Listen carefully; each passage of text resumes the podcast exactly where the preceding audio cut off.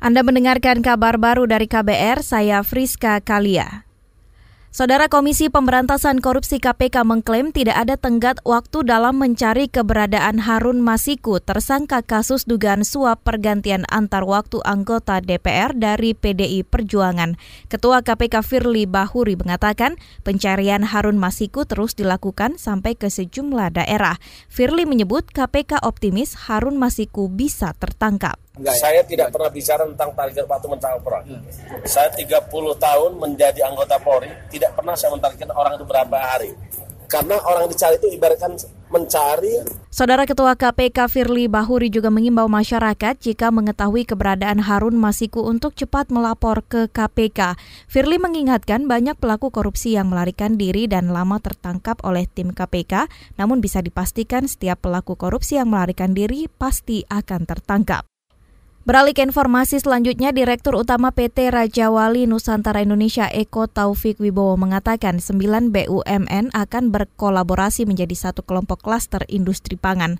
Eko mengatakan penguatan ketahanan pangan dalam negeri harus dilakukan dengan menyatukan antar BUMN pangan.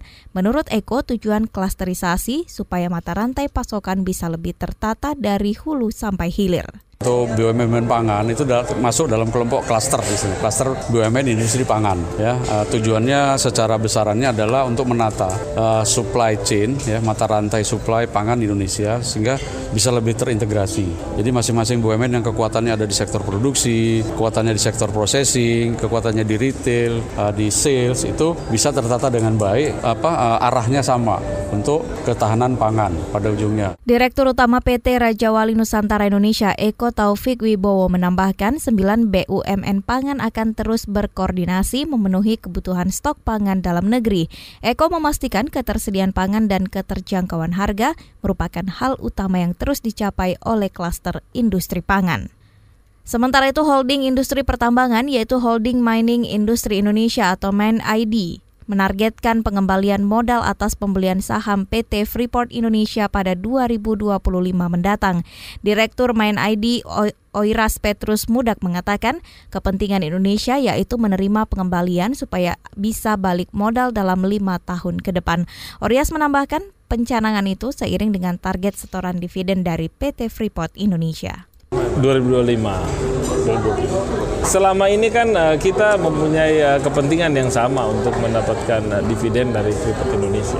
Ya. Direktur Men ID Orias Petrus Mudak menambahkan PT Freeport Indonesia akan menyetor pengembalian itu secara bertahap. Nilai setorannya 1 miliar dolar Amerika Serikat atau setara 14 triliun rupiah mulai 2022 nanti. Sehingga tiga tahun kemudian ditargetkan nilai setoran mencapai 56 triliun dan diyakini bisa memenuhi nilai divestasi 51 persen saham. Kita beralih ke informasi lain, Menko Polhukam Mahfud MD berjanji akan membebaskan lima nelayan Indonesia yang ditawan kelompok teroris Abu Sayyaf di perairan Lahad Datu Sabah, Malaysia. Mahfud mengatakan dalam waktu dekat pemerintah akan berkoordinasi dengan instansi terkait agar kelima nelayan Indonesia bisa dipulangkan. Ya, kita akan akan segera melakukan langkah-langkah untuk pembebasan ya, karena kita sudah membebaskan 39 orang ini ada lagi lima orang yang diculik oleh Abu Sayyaf ini. Ya kita akan melakukan hubungan-hubungan diplomatik yang lebih ketat untuk menjamin keselamatan setiap nelayan di perairan masing-masing perairan Indonesia, perairan Filipina, perairan Malaysia. Kita akan bicarakan secepatnya. Ini kan baru terjadi sesudah yang tiga sebelumnya bebas. Menko Polhukam Mahfud MD menambahkan Indonesia juga akan melakukan perjanjian diplomatik dengan Filipina dan Malaysia untuk melakukan patroli bersama demi menjamin keamanan nelayan yang berlayar di wilayah ketiga negara. Sebelumnya pertengahan Januari lalu, lima nelayan Indonesia kembali disandra kelompok teroris Abu Sayyaf di perairan Lahad Datu, Sabah, Malaysia. Demikian kabar baru dari KBR, saya Friska Kalia.